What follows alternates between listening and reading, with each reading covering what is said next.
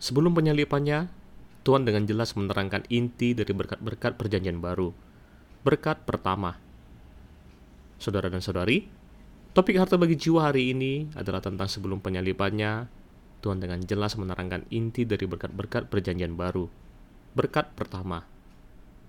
Yohanes 14 ayat 16 sampai 19 memberitahu kita bahwa Roh Kudus telah datang untuk tinggal di dalam kita.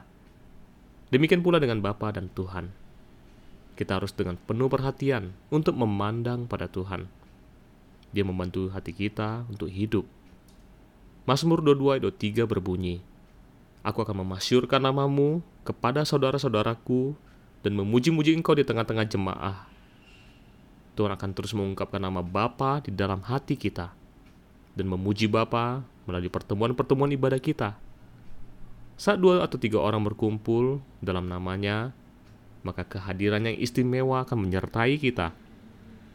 Tuhan memberi kita hidup dan memelihara hati kita. Dia telah menjadi penolong kita di setiap hari. Injil Yohanes 14 ayat 16 sampai 17 berbunyi, Aku akan minta kepada Bapa dan ia akan memberikan kepadamu seorang penolong yang lain supaya ia menyertai kamu selama-lamanya, yaitu roh kebenaran. Dunia tidak dapat menerima dia sebab dunia tidak melihat dia dan tidak mengenal dia. Tetapi kamu mengenal dia, sebab ia menyertai kamu dan akan diam di dalam kamu. Sangatlah berharga karena roh kudus selamanya tinggal bersama kita dan di dalam kita. Bapa, Tuhan, dan roh kudus adalah satu. Mereka adalah yang tidak dapat dipisahkan. Karena itu, roh Bapa dan Tuhan juga ada di dalam kita. Kristus yang di dalam kita telah menjadi pengharapan akan kemuliaan. Kristus hidup di dalam kita. Injil Yohanes 14 ayat 18 berbunyi, Aku tidak akan meninggalkan kamu sebagai yatim piatu. Aku datang kembali kepadamu. Tuhan akan datang kepada kita, ke dalam hati kita. Tinggal sesaat lagi dan dunia tidak akan melihat aku lagi, tetapi kamu melihat aku. Yohanes 14 ayat 19. Saya melihat dia di setiap hari, Itulah sebabnya saya mengatakan padamu untuk melihat Tuhan dan untuk menyadari bahwa Dia ada di dalam kemuliaan dan dalam waktu yang bersamaan juga berada di dalam hati kita. Kitab Kidung Agung banyak mereferensikan tentang mata. Begitu berharganya karena mata kita membuat dia jadi kebingungan. Saat kita mengasihi Tuhan, maka pikiran kita juga akan tertuju pada dia. Mata burung merpati selalu tertuju pada temannya, Demikian pula, kita mengarahkan pandangan cinta kita kepadanya, melihat dan memandang Dia. Oleh karena itu, mata kita sangatlah penting karena dapat memandang Dia. Pikiran kita juga akan tertuju pada Dia. Kita akan dapat melihat hubungan kita dengan Dia. Saat kita memperhatikan Dia, maka hati kita akan merasa damai dengan tanpa gangguan. Kita juga akan lebih selaras dengan kehendak dan tuntunannya Bagian terakhir dari Injil Yohanes 14 ayat 19 berbunyi, Sebab aku hidup dan kamu pun akan hidup. Saat dia datang kepada kita, maka dia akan membantu hati kita. Dia tidak hanya tinggal di dalam kita, namun dia juga membuat kita hidup. Orang-orang kudus dalam perjanjian lama juga memiliki roh Allah di dalam diri mereka. Namun bedanya, yaitu roh kudus pada waktu itu dapat meninggalkan mereka itu tidak sama dengan berdiamnya Roh Kudus yang saat ini. Dia tinggal di dalam kita untuk selama-lamanya. Penulis Mazmur 119 menyebutkan sebanyak delapan kali bahwa Allah memberinya hidup. Dia tidak hanya menghargaikan firman Tuhan, namun juga akan hubungan hatinya dengan Tuhan. Dia menginginkan sebuah kehidupan di dalam hatinya. Kamu harus mengetahui apakah kamu telah memiliki kehidupan di dalam hatimu, atau apakah itu telah menjadi kering dan putus asa. Di luar dia, kita akan menjadi seperti ranting yang layu. Mazmur 22 berbicara tentang penyalipan Tuhan. Dia menanggung rasa sakit yang terbesar. Namun, sangat berharga bahwa kalimat pertama yang diucapkan oleh Tuhan yaitu, Allahku, Allahku, mengapa engkau meninggalkan aku? Mazmur 22 ayat 2 kita tidak akan pernah sepenuhnya memahami akan apa yang terjadi di antara Allah Tritunggal dan akan penderitaan yang dialami. Selanjutnya, Dalam Mazmur itu ada berbicara tentang kemenangan Tuhan. Allah akan menjawab dia. Allah akan membebaskan jiwanya dari pedang dan mulut singa. Menurut saya, ini adalah yang berhubungan dengan Ibrani 9 ayat 14.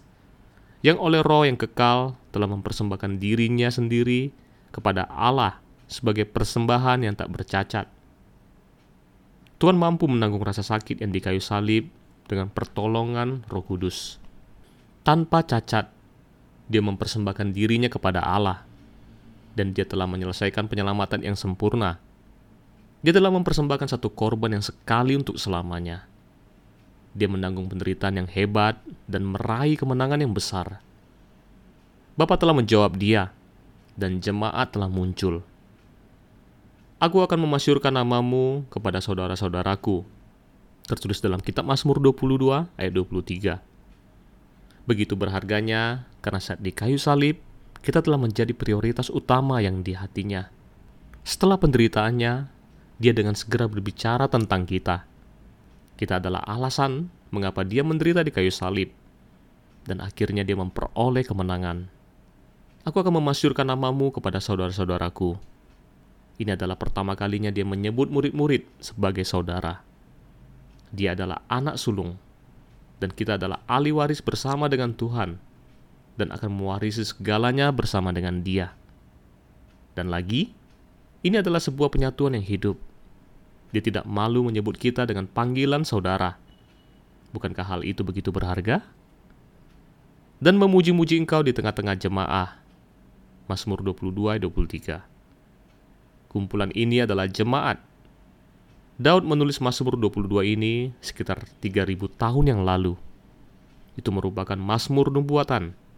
Dia bernubuat bahwa dia akan memuji-muji Allah di tengah-tengah jemaah, yaitu dalam ibadah pertemuan jemaat. Kini, bagaimana Tuhan memuji-muji Bapa?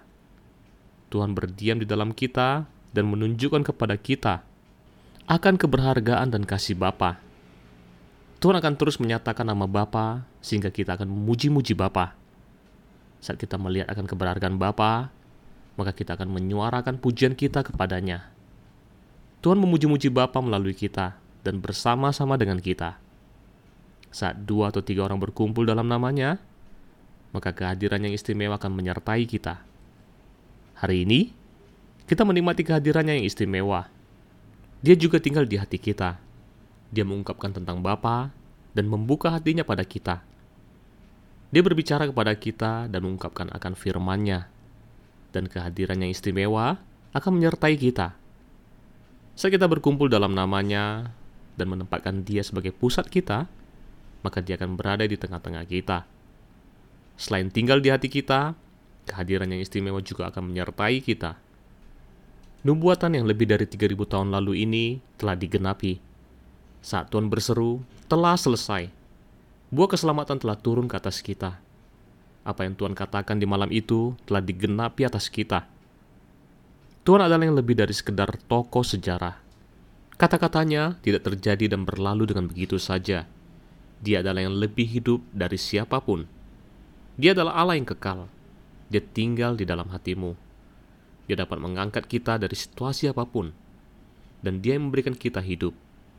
Dia adalah hidup yang kekal. Segala bentuk kehidupan berasal dari Dia. Dia menjadi kehidupan yang mulia yang di dalam kita, dan Dia dapat membantu kita di setiap hari. Kita tidak dapat meninggalkan Dia untuk jangka waktu yang lama, bahkan untuk sekejap mata sekalipun. Di luar Dia, kita tidak dapat berbuat apa-apa. Kita akan tetap berada dalam dosa dan tidak akan dapat bangkit kembali. Dia adalah pokok anggur yang benar, dan kita adalah ranting-rantingnya kita harus dipersatukan dengan Dia dan berada di dalam Dia. Ranting membutuhkan makanan dari pokok anggur. Jika tidak, maka akan mati. Dengan cara yang sama, Dia yang mengasupi kita sehingga kita hidup. Kita semua tahu bahwa ranting akan layu dan mati saat terputus dari tanamannya.